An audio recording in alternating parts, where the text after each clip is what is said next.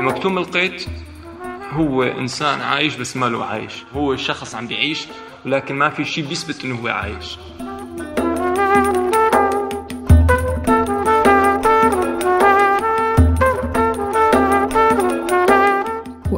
وأنا وصغيرة كنت أحط خريطة العالم قدامي أغطي أسماء العواصم بإيدي وأحاول أحفظ كل الأسامي.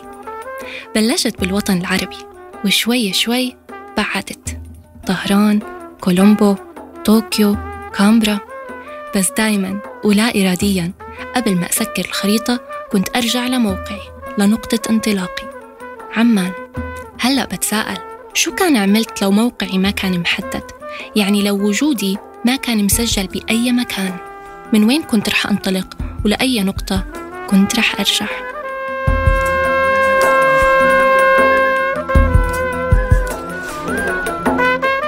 معكم تالا العيسى من برنامج خرائط اللامكان اللي بتناول قضية فاقدي الجنسية في الوطن العربي اللي على فكرة بيوصل عددهم حوالي نص مليون. في حلقتنا اليوم مواطنون أسقطوا سهوا. رح نحكي عن مشكلة توريث اللاوجود ورح نسمع قصص من الكرد بسوريا اللي بيعانوا من فقدان الجنسية رغم أنه تم تجنيس بعض منهم في 2011 اختيارنا للموضوع غير مرتبط بالأحداث الحالية بسوريا. هدفنا تسليط الضوء على حادثة تاريخية بتتعلق بالمحور الأساسي للبرنامج. خليكم معنا لتسمعوا صوت كردي من سوريا. كان اسمي عاصم عبد الله حمو. من مواليد 1975 مكتوم القيد من عامته جدي بالاحصاء أحصاءات 62 كان متوفي كان في عمي وأبي. أبوي كمان كان عم يرعى بالغنم وعمي كان بضيعة. مشان هيك سجل عمي. عمي عمي أخو أبوي لازم هلا هو مواطن سوري مواطن عربي سوري وأبي مكتوم القيد. عاصم وأولاده الستة ما معهم أي إثبات لهويتهم لأنهم مكتومين قيد. بس شو يعني إنه يكون الواحد مكتوم قيد؟ يعني كأنه إنسان عايش ب... مو بين البشر. شلون يعني؟ يعني هيك واحد يحس حاله على طول ناقص منه شيء. كأنه نحن جايين من مكان من مريخ ثاني يعني من من من, من كوكب ثاني. كل القصة بلشت ب 5 أكتوبر 1962 شو يا ترى صار بهداك اليوم؟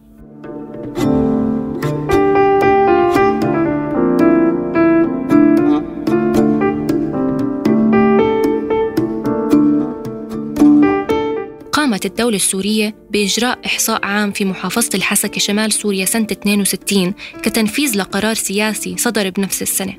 كان الهدف من القرار تحديد هوية الكرد في الحسكة وفرز السكان الأصليين عن الأجانب اللي هاجروا من تركيا بطريقة غير شرعية. هي كان في خوف طبعا اولا الإحصاء جرى قبل استلام البعثه السلطه عادة الناس بربطوها بحزب البعث. عم تسمعوا لصوت المفكر والكاتب سلامة كيلة. الهجرات الأكراد بعد الخمسينات صارت أعلى. يعني من ال 25 أول ثورة عملوها ضد آه، أتاتورك. لبداية الخمسينات كان في هجرات بس مش كبيرة. بالتالي المناطق اللي كان فيها أكراد محدودة مش آه، هلأ بعد الخمسينات وخصوصا حتى بعد الستينات صارت الهجرات الأوسع للأكراد. بعد ما صارت ثورات أكثر ضد الحكومة التركية. استغرقت الإحصائية يوم واحد فقط بس أثرها دام لسنين طويلة بسبب تصنيفات السكان المختلفة اللي نتجت عنها. عشان أفهم القصة أكتر اتواصلت مع توماس ماكي الباحث البريطاني اللي عاش مع الكرد في سوريا لمدة سنتين. كنت أشعر بالذنب لما أصحابي الفاقدين للجنسية يشوفوني إني بقدر أروح بكل سهولة على دائرة الهجرة والجوازات لإصدار إقامة. بالرغم إنه ما عندي أي صلة بالدولة بينما هم اللي ما عرفوا أي دولة غير سوريا مش مسموح لهم هذا الإشي.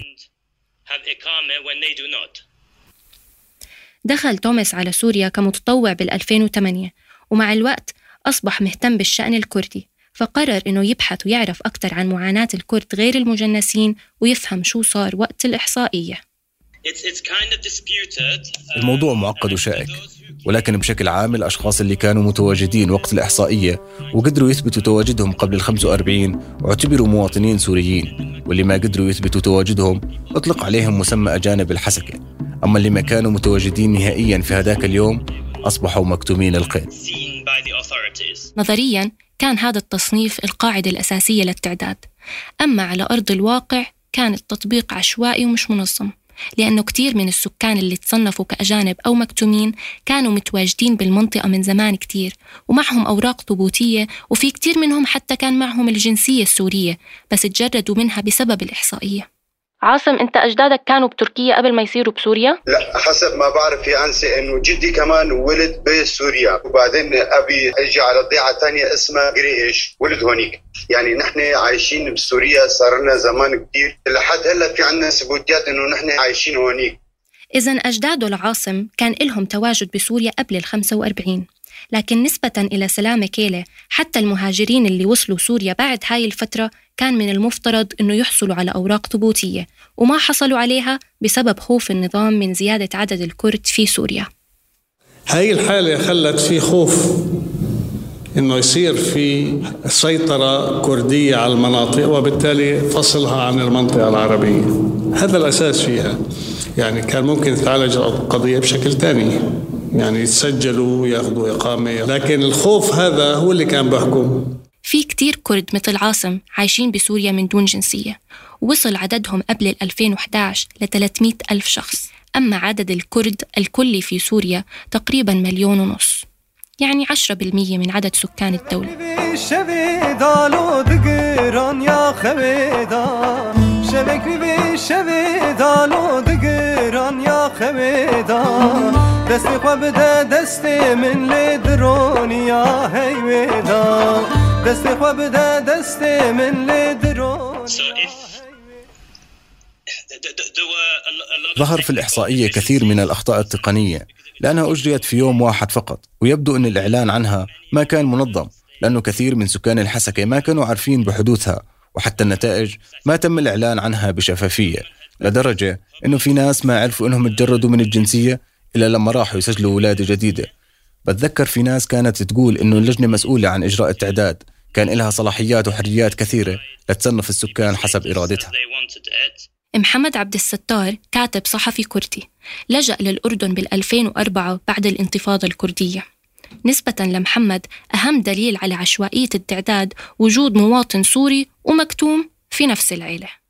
يعني هذا الشيء لحد هذا اليوم يث- يثير الكثير من التساؤلات. تمام؟ إنه كيف أنت هذا بتسميه أجنبي؟ كيف عرفت إنه هذا أجنبي وهذا مواطن؟ مع العلم بنفس العائلة بنفس العائلة الكبيرة في أفراد أجانب وفي أفراد هن مواطنين. فإذا كانت رواية النظام هي رواية حقيقية إنه هؤلاء هن إجوا مهاجرين من تركيا فمعناته العائلة كلها مهاجرين من تركيا مو أفراد فقط. تمام؟ فاذا هي رواية غير صحيحة. أما الدليل الثاني اللي نسبة لكتير كرد أفقد الإحصائية شرعيتها وبين أهدافها السياسية وأظهر أنه عشوائيتها ممكن تكون مقصودة هو تجريد سياسيين وعسكريين كرد من الجنسية السورية مثل عبد الباقي نظام الدين اللي كان نائب ووزير وأخوه توفيق اللي شغل منصب هيئة الأركان السورية. طبعا بالتأكيد يمكن استخدام هذا صوت الدكتور أحمد عوض الإحصائي ومدير مركز الفينيق للأبحاث. ودائما تستخدم الإحصاءات لتحقيق أهداف سياسية. وتحقيق غايات سياسية لفئات معينة، هلا في في منطقتنا العربية لأنه موضوع الإثني وموضوع المواطنة ضعيف وموضوع الاعتراف بحق القوميات الفرعية بأن يكون لها آه، يكون لها حضور سياسي أو مشاركة سياسية دائما يتم التلاعب أو يتم إخفاء معلومات عن الأمازيغ مثلا في منطقة شمال المغرب عن التكوين الطائفي في لبنان والعراق. التكوين القومي في بعض هذه الدول سوريا العراق تركيا بخصوص فيما يتعلق بالشعب الكردي. لجميع الأسباب اللي ذكرناها بيعتبر بعض الكرد أنه الإحصائية جزء من مشروع أكبر أنشأه النظام بهدف إقصاء الأقلية الكردية. محمد عبد الستار الكاتب الكردي عنده رأي بهالموضوع. بعام 1958 لما كانت الجمهورية العربية المتحدة بقيادة الناصرين جمال عبد الناصر آه، الناصرين ألغوا التعددية في سوريا. هون كانت البداية. فيما بعد نزل مشروع الحزام العربي وتم تهجير القرى الأكراد وتم تعريب المناطق الكردية. بعدين منع تداول اللغة الكردية ومنع التسمية بالسجل المدني بعدين تجريدهم من الجنسية السورية. ومن أبرز العرب المتهمين بقضية إقصاء الكرد في الحسكة الملازم الأول محمد طلب هلال. اللي قام بنشر دراسة في الثلاثة وستين اعتمد فيها على سياسة التجهيل والتهجير كخطة وطنية للقضاء على الكرد. ومن ضمن توصيات الدراسة سد أبواب العمل أمام الكرد حتى نجعلهم في وضع غير مستقر. يعدهم للرحيل في أي لحظة. عدم إنشاء مدارس أو معاهد علمية في المنطقة. عدم السماح لمن لا يتكلم اللغة العربية بأن يمارس حق الانتخاب والترشيح في المناطق الكردية المذكورة. إجلاء كل من لم تثبت جنسيته وتسليمه إلى الدولة التابعة له. إسكان عناصر عربية وقومية في المناطق الكردية على الحدود. فهم حسن المستقبل ورقابة على الكرد. ريثما يتم تهجيرهم ونقترح أن تكون هذه العناصر من قبيلة شمر لأنهم أولا أفقر القبائل بالأرض وثانيا قوميون مئة بالمئة.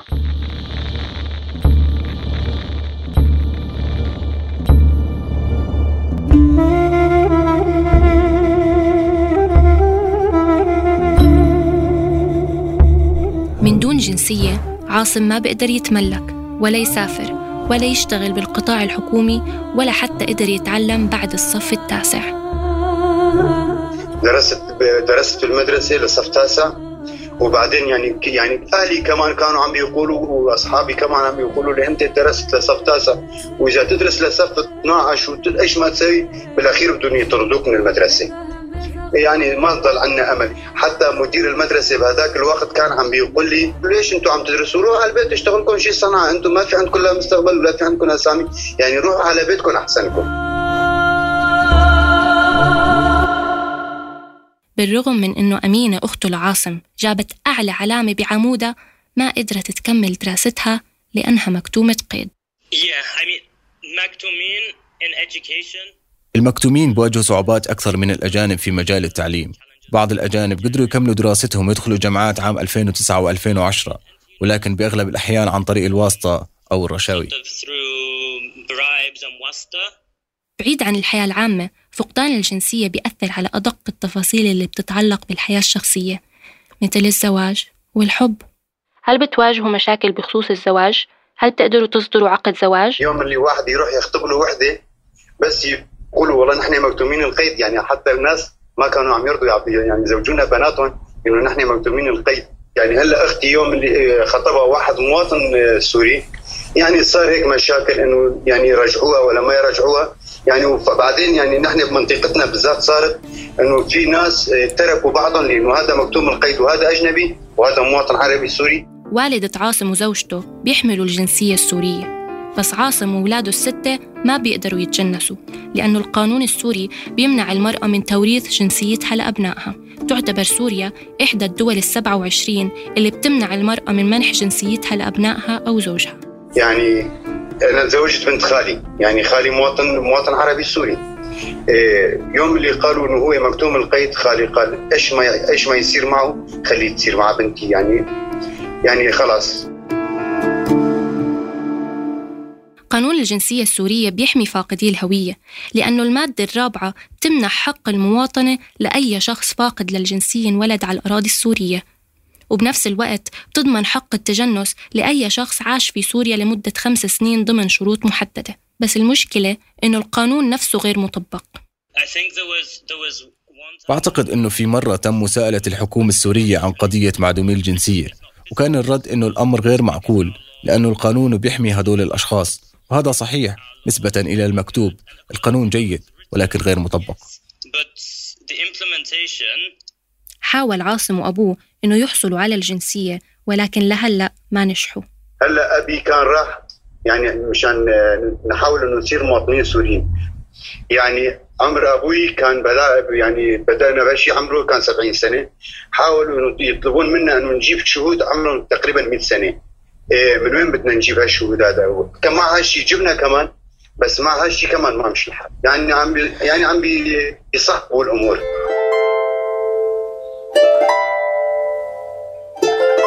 عاصم هل بتفكر خاصة بعد الأحداث الأخيرة إنك تترك سوريا وتهرب مثل ما قلت لي أمينة أختك طلعت على تركيا؟ لا ما بترك وطني وأرضي. امم أوكي. وهل بتعتقد إنه في يوم من الأيام رح تقدروا تحصلوا على الجنسية؟ أكيد إن شاء الله يعني نحن متفائلين بهالشيء لو ما كنا متفائلين ما كنا نعيش على أرضنا و... وبلدنا لحد هلأ إيه. يعني نتمنى إنه يصير هيك شيء إنه يرجع لنا حقوقنا ونعيش مثل العالم ما تعيش.